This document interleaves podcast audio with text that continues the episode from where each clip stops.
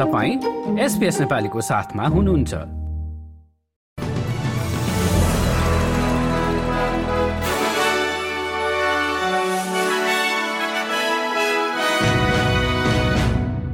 नमस्कार आज बुधबार सात फेब्रुअरी सन् दुई हजार चौबिस। अब पालो भएको छ एसबीएस नेपालीमा आजका प्रमुख अस्ट्रेलियन समाचारहरू सुन्ने।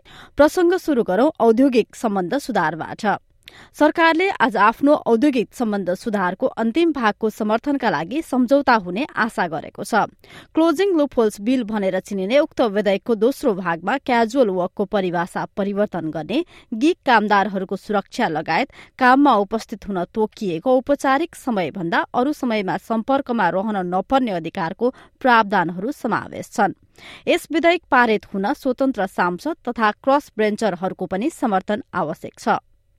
अस्ट्रेलियाको जनरल प्र्याक्टिसनर जीपी अर्थात डाक्टरहरूको शीर्ष निकायका अनुसार न्यू साउथ वेल्सले थप कर लागू गरेमा मानिसहरूले डाक्टर जचाउन जाँदा थप पन्ध्र डलर तिर्न पर्न सक्छ। अगस्तदेखि स्वास्थ्य सेवा प्रदान गर्ने ठाउँहरूले स्वतन्त्र रूपमा काम गर्ने टेनेन्ट डाक्टरहरूका लागि अतिरिक्त कर तिर्नुपर्नेछ। यसभन्दा अघि स्वतन्त्र कन्ट्राक्टरको रूपमा वर्गीकृत गरी छूट दिइएको थियो। यता प्रधानमन्त्री एन्थोनी आल्बनेजीले आफ्नो सरकारको तेस्रो चरणको कर कटौतीमा गरिएको परिवर्तनबाट अधिकांश महिला कामदारहरू लाभान्वित हुने बताएका छन्। एडिलेडमा बुधबार आयोजित संयुक्त राष्ट्रसंघको महिला नियोगको कार्यक्रममा प्रधानमन्त्री आल्बनेजीसँगै सेनेटर र सांसदहरू पनि सहभागी थिए।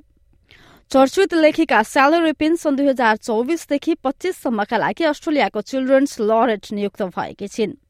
बिली बी ब्राउन श्रृंखलाका लागि परिचित रिपिनका एक सय भन्दा बढ़ी पुस्तकहरू प्रकाशित छन् भने अठार देशहरूमा एक करोड़ भन्दा बढ़ी कपीहरू बिक्री भएका छन्।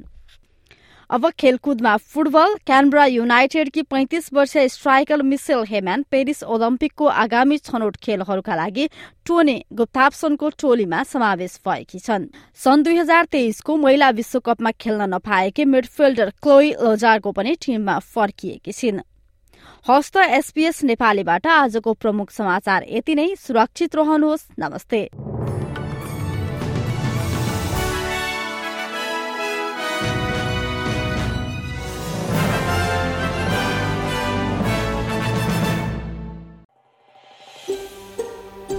यो जस्तै अन्य प्रस्तुति सुन्न चाहनुहुन्छ? एप्पल पोडकास्ट गुगल पोडकास्ट स्पोटिफाईमा हामीलाई खोज्नुहोस् वा तपाईँले पोडकास्ट सुन्ने अन्य सेवामा।